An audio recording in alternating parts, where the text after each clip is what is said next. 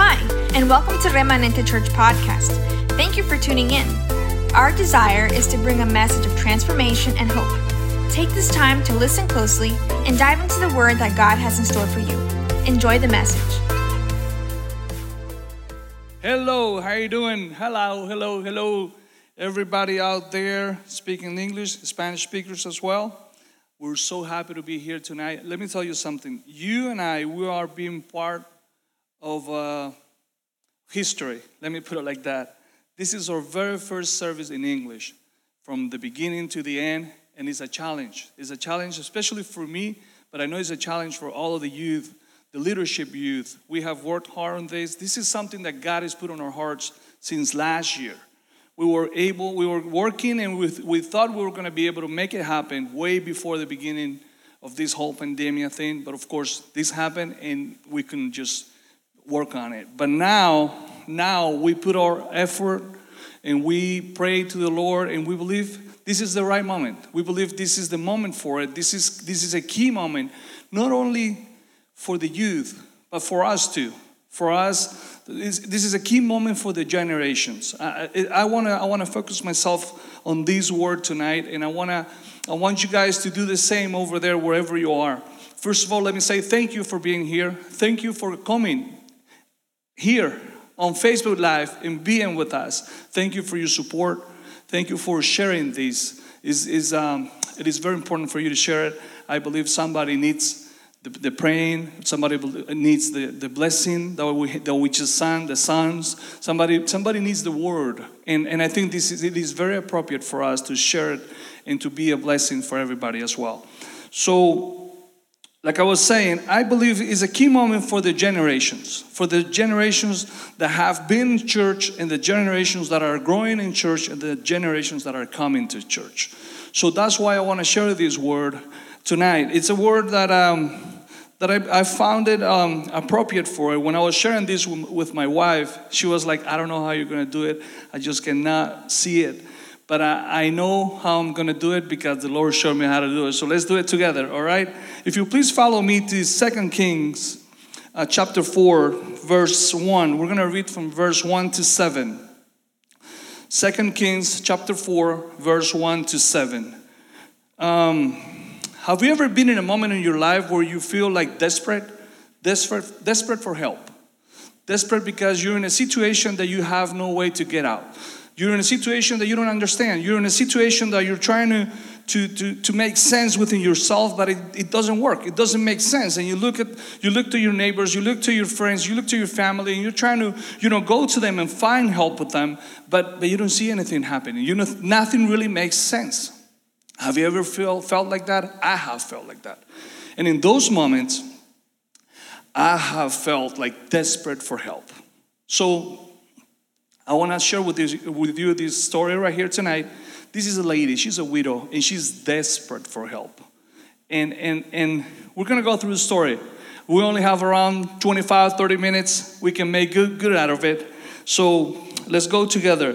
It says the word, it says, one day, the widow of a member of the group of the prophets came to Elisha and cried out. When the word says cried out, it means she was screaming. It means she was making a point.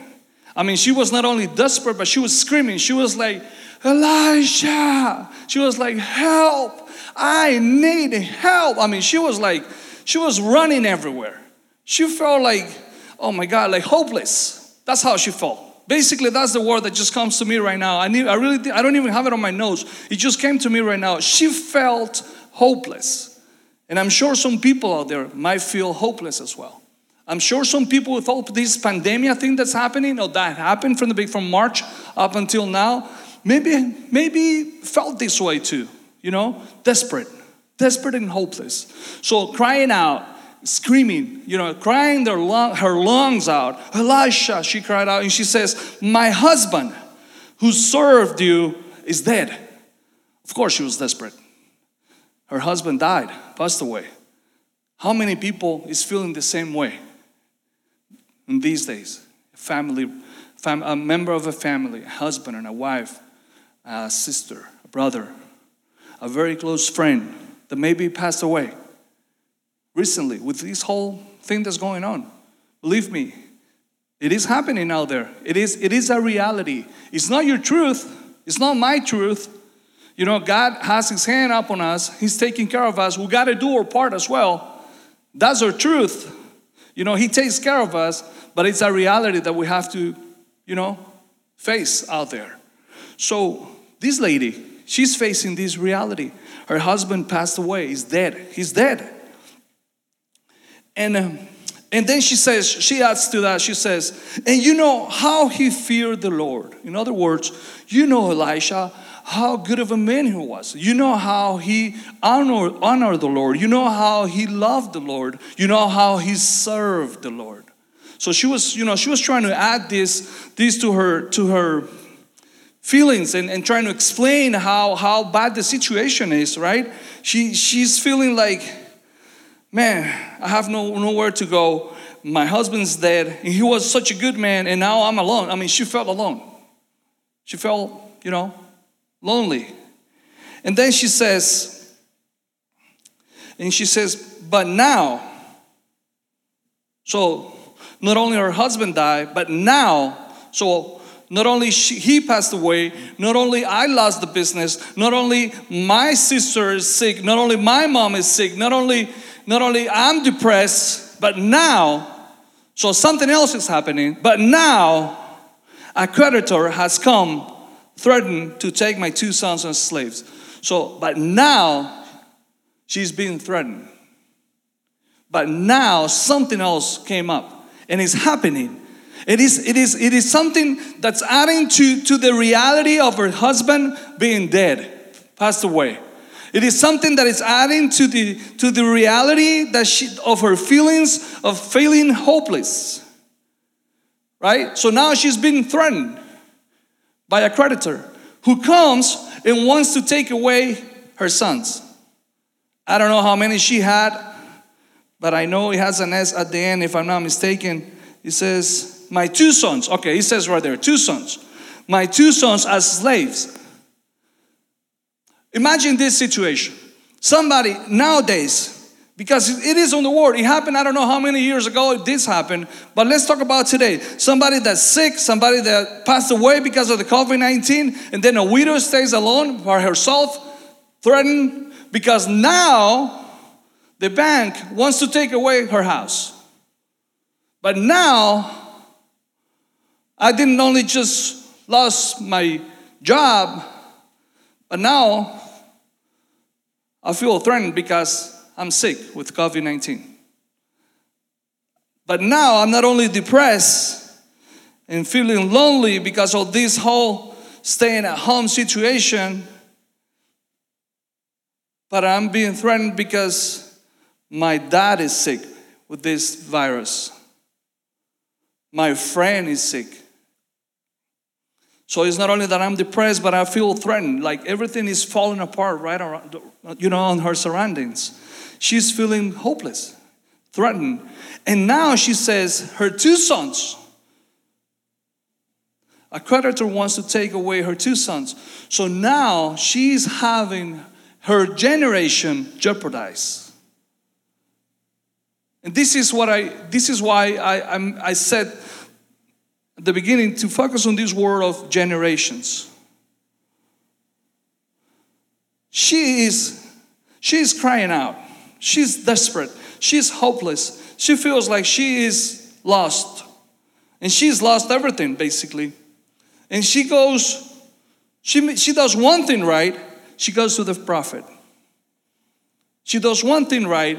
She goes to the men of God. She does one thing right she goes before God. She goes to that person that can help her, that can guide her, that can show her a way. And I want to take two, 10 seconds to tell you, please, in these moments, the only way of, of feeling hopeless is to go and seek God. Go face to face with Him. If you don't have a prophet, if you don't have a point of reference, a church, if you don't have somebody as a pastor, as a leader that can help you in situations like this, you can still go to God. You can still go to God at home, on your own, when, on your own place, on your own space, in your room, in your car. You can still go face to face to Him. If you feel desperate, if you feel hopeless, don't disqualify yourself. Oh no, but I'm a Christian. I cannot feel like that. This is this doesn't make sense. I have to have faith. It's okay. I have felt desperate too and hopeless. But I have my Redeemer. I have my God. I have my Father. I have Him right here next to me. And I go to Him. And I go seek for His presence. And I am, I I'm inviting you to do the same. Whenever you have these feelings, whenever you feel desperate, whenever you feel hopeless, whenever you feel depressed, whenever you're feeling threatened, go seek God. That's the, that's the only way. That's the best way. That's the better way. That's the best option you and I have. Of course, there are many other options out there. You know, you can go to a bar, you can go to a friend, you can go and do so, you can go on Instagram, you know, and spend three hours on Instagram liking and disliking and rejecting, adding, blocking. You can do all that. What's going to happen is that you're going to start feeling those emptiness in your heart with whatever is being offered out there. But what about God? God is right there. He's right there next to you, just waiting, just waiting for you to look at Him, just waiting for you to do face to face with Him, just waiting for you to go before Him and, and tell Him everything that you have, and express everything that you feel, and express every pain every suffering, every depression, every feeling of depression, every threaten. This is the right moment. That's the moment where God is right there waiting for you. That's the, that's the key moment. If you want to make a breakthrough in your life, that's the moment where you're going to have to make a breakthrough in your life. It's not going to a bar, it's not going to your friends, it's not going on Instagram. He's not going and, you know, oh, let's meet with my friends. Oh, I remember my old friend from high school. Oh, man, long time no see. 10 years without seeing me. Five years, uh, let's go meet. You know, let's go to a bar. Let's go to Buffalo Wild Wings. Yeah, let's go there. Let's spend some time over there. Let's watch TV. You know, let's let's watch the game. Oh yeah, what's going on? What's up with the game? Whatever. Oh, there's no games right now. Or whatever. Last year's game. Let's do it. You know, two, three, four, five beers, and then when you get home and you're alone at home, how are you gonna feel? I'm going to tell you how you're going to feel. You're going to feel worse than you felt before. Because you're going to be way more depressed. Because alcohol, that's what it does to you. It gets you hyped, but then two, three hours later, it gets you so depressed. So depressed. That is maybe double or triple the bad that you felt before. So, in those moments, this lady, desperate for help, in those moments when you and I, when we are desperate for help, we gotta go seek God. We gotta go seek that leader. We gotta go seek that pastor. We gotta, we gotta, you know, we gotta be open. We gotta be, we gotta be ready to make that step. We gotta be courageous. That's not a moment of shame. That's a moment of being bold. You need to be bold and go seek God. Go find God and open up your heart. She did. But she comes and she says, My two sons, I'm being threatened. My two sons are going to be taken away as slaves so I can pay this debt.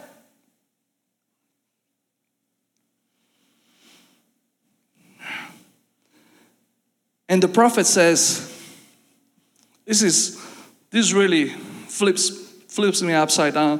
The, the, the prophet says, What can I do to help you? Oh my God. You're the one who has the answers.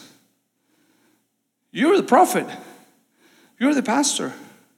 I mean, I can only see that moment of silence when she comes crying out and, you know, pouring herself out and saying everything that she felt and everything that's happening and she's trying to make, make sense into all that pain that she's trying to express and then the prophet you know the prophet elisha oh my god and he looks at her and he says uh, so what can i do to help you What? What? That could also happen to us. That could also happen to us. He says, What can I do to help you? So I, I believe in those moments, in that, right at that moment, I could tell you it was a moment of silence. It was a moment of mute. When you go to when you have your TV in front of you, you do mute button. That's how it was. It was a moment of mute, silence, only silence. It was so silent, it was so muted that Elisha was the one who spoke next. She didn't say a word. She, I mean, he asked her, "What can I do to you? What can I do to help you?" And she didn't say a word. She was so stunned. She was like, "What? What do you mean? What can you do? I thought you. I don't understand. What's going on?" So he wants to help her, and he he's trying to make it making her think of a way of getting out, and she just found out that there was no way out for her. And only God can give it to you guys. It's only God. So when he, uh, because you know, sometimes we get desperate. Sometimes we get in a situation like this, and we go, and when we go to ask for an advice, we already know the answer for it. In other words, sometimes we have a plan. So that's why Elisha asked, What can I do to, to help you? To see if she had a plan, if she had her own agenda. Because that's the tendency of the human being to have a plan B, a plan C, and to build up your own agenda so you can get out of the situation some way, somehow. So when, when he sees that she has no answer for that question, then he, he asks, and he says, Tell me, what do you have in your house? And she says, Nothing at all. Right, right immediately, she said, Nothing at all. And then she says, Except a flask of olive oil. She replied, Except a flask of olive oil. Let me tell you something. This is a problem that we all have. We have the tendency to call little what God has given us. We have when when when she says a flask of olive oil, she doesn't say a jar. She says a flask, and a flask is a small is is a, is a small jar as a glass. It's a small it's, it's a small it's a very little jar. She that's how she saw it. That's how she was explaining to her to the to the prophet what she had. That's why that's it was so little for her it was so nothing that she did, before she said a flask of olive oil, she said nothing at all. So it was nothing for her. And sometimes we have that tendency of calling nothing what God has given us. Sometimes that oil, that happiness, that joy, that talent, if you can sing, let me tell you, if you can write, if you can sing, if you can run, if you can talk, if you can smile, if you can serve others, if you can give value to others by serving them, if you can smile out there, if you know, if you have a good handshake, I know it's hard nowadays, but if you have it, don't call it nothing. Don't call it nothing like she did. Of course, in a desperate moment, we feel like we don't have anything. She was hopeless. But she called it nothing at all. And she was being threatened by, by a creditor who wanted to take her two sons. So she felt like a, imagine that situation. How can a flask of olive oil help in a situation where a creditor is at the door, knocking at the door, asking for her two sons to be, because he wanted to take them as slaves? How can that help him out? Of course, it was nothing for her. Of course, in terrible situations, we don't see what God is giving us because we're so blinded. We're so in so much pain and desperate that we don't see it. So then he says, but this is some there's a key thing that happens right here. And then he says to her, And Elisha said, Borrow as many empty jars as you can from your friends and neighbors. Then go into your house with your sons and shut the door behind you. So he's giving her a specific directions to do. He's telling her a task. He's telling her something to do and how to do it. He says, borrow as many. He doesn't give her a number. He said, he said as many as you can from your friends and neighbors, from somebody that you know and somebody that maybe you don't know very well, but you go ahead and do it anyways. And then he says, then go into your house with your two sons and shut the door behind you. And then he says, pour olive oil from your flask into the jars. See the two words right there? Flask into the jars.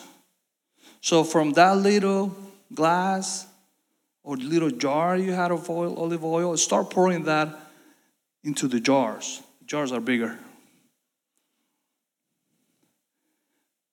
He's given her directions, and he's given a key direction here that we need as a church right now.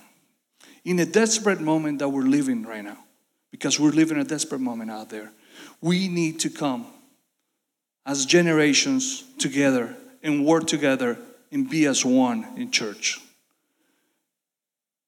She, he said to her, Go with your two sons. She being the oldest, two sons, of course, way younger. Two generations right there. That's what we need to have. We need this to happen at church. The church, today's church, needs that. We, the oldest, need to understand that we are the ones that are supporting the youth, that we are the ones that are going to hold the pole for you, the youngest, to be the flag out there and to lead the way. But you have to be willing to work together. You have to be humble enough to work together and to understand the importance of the experience, but the vision of the youth.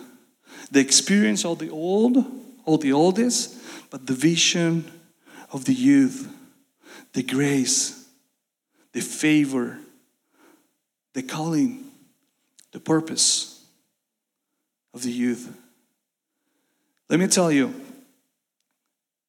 he didn't tell her, go tell your sons to do this, this, is this, and that. No, he said, go with your sons. He didn't tell her, go alone and leave your sons out of the room. No, he said, go with your sons. So, what God is telling us as church is that we got to work together, we got to support each other, we got to come into an agreement and take these generations that are desperate for a miracle to work as, as one, to work in what God is telling us to do because it's God giving us the directions. God is giving us, and He's telling us what to do. When and then He says, pour olive oil from your flask into the jars. You and I this is the moment for us to start pouring what God has given us. This is the this is the perfect moment. Guys, I, I want you to understand. I wish I can explain what I'm feeling right now. This is a moment, this is a key moment in our lives. This is a key moment in our church. This is a key moment for our society out there. This is a key moment for the government. This is a key moment for you, for me, for your children and your children, for your mom, for your dad, for your grandfather. This is a key moment where we need to come as one and we need to start pouring what God has given us. We need to start pouring and pouring and pouring what God has given you. This is the moment for it. This is this is the now. It's not for tomorrow. It's not for next year. Oh, 2021 is going to be a much better year than 2020. Forget 2021. Live today. Live now. Live 2020 as God has given it to us. Live 2020 with this guidance. The guidance that God has given us to do what we need to do as one. It's two generations, maybe three generations in this church, but we need to come and work as one and start pouring, pouring what God is giving you, what God has given us, what God has trusted you and I to do. It's not about it's not about being who does more and who does less. It's not about that. It's about what God wants to do. But then what's going to happen after this direction that God has given us? What's going to happen? This is what's going to happen. Pour oil from your flask into their jars, setting each other, each one aside when it's filled. That's the directions. So God is telling us, you and I, we have to start pouring. You want more, you pour more. You want more, you pour more. Oh, but it's only a flask. Yeah, but you want more? You want more than a flask? Okay, fill the jar. You pour more.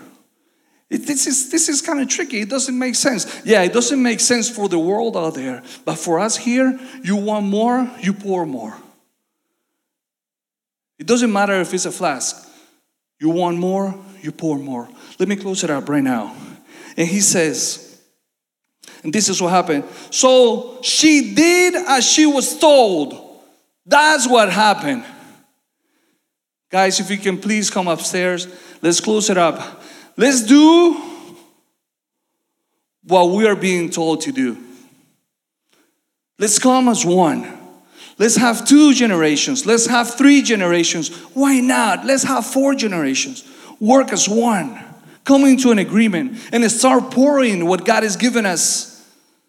You know what's going to happen in the pouring? You're going to be healed. You know what's going to happen in the pouring? You're going to get so much more that you're going to be overflowing. You know what happened to this lady? This is what happened. She obeyed, and she when she obeyed, when you and I, when we as a church, when we obey, we're going to provoke a breakthrough. And then we're going to see it, and then we're going to enjoy it, and then we're going to see what God wants to do. We have to obey so we can provoke, so we can make a breakthrough for your generation, for your children, and the children of your children. But for you as well, so you can enjoy it as a father, so I can enjoy it with my wife as a grandfather. But don't call nothing at all what God is giving you. That talent, that oil Oh, but I only have a flask. You keep pouring, baby. Oh, you keep pouring. You pour and pour and pour more. Because you know what happened to her? She filled them all out. And she was able to take all that oil. And she was able to not, not only to pay that creditor that was knocking on the door trying to get her sons as slaves, but she was able to live in abundance, to live in blessings and to be a bless for others with what she had left. And that's what God is telling us to do today. Three, four generations here. Let's come as one. Let's start pouring. Let's be healed as we poured. Let's be projected as God wants us to be as we pour, as we give. You want more, you give more. Let's obey. Let's make a breakthrough in our lives. Let's make a before and after today. Let's see God's hands in our generations and the generations to come. Let's see our God's hands today, now, because He wants to do it now. For you, for me, for your children, for my grandkids, for your grandkids. Jesus' name, we pray. We give you thanks, O oh Lord. We give you thanks. And we receive your blessing. We accept the challenge. Oh, yes. Thank you. Thank you. Right there where you are, lift up your hands and receive the blessing and obey to the Lord. Let's become one. Let's obey the Lord. Let's pour what we have within our inside.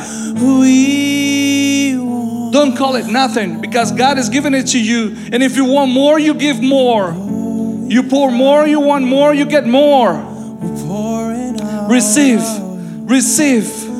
Receive the Lord. Receive the healing. Let the truth shine upon you. Let His face shine upon you. Let Him heal you. Let Him take you to places you never thought of. The Most High God, your daddy, my Father, your Father. In Jesus' name we pray. Let's worship Him and let's bless Him and let's thank Him. Amen. If this message has blessed your life, make sure to share it with others. Don't forget to catch us live on Facebook and YouTube every Wednesday at 8 p.m. See you next time.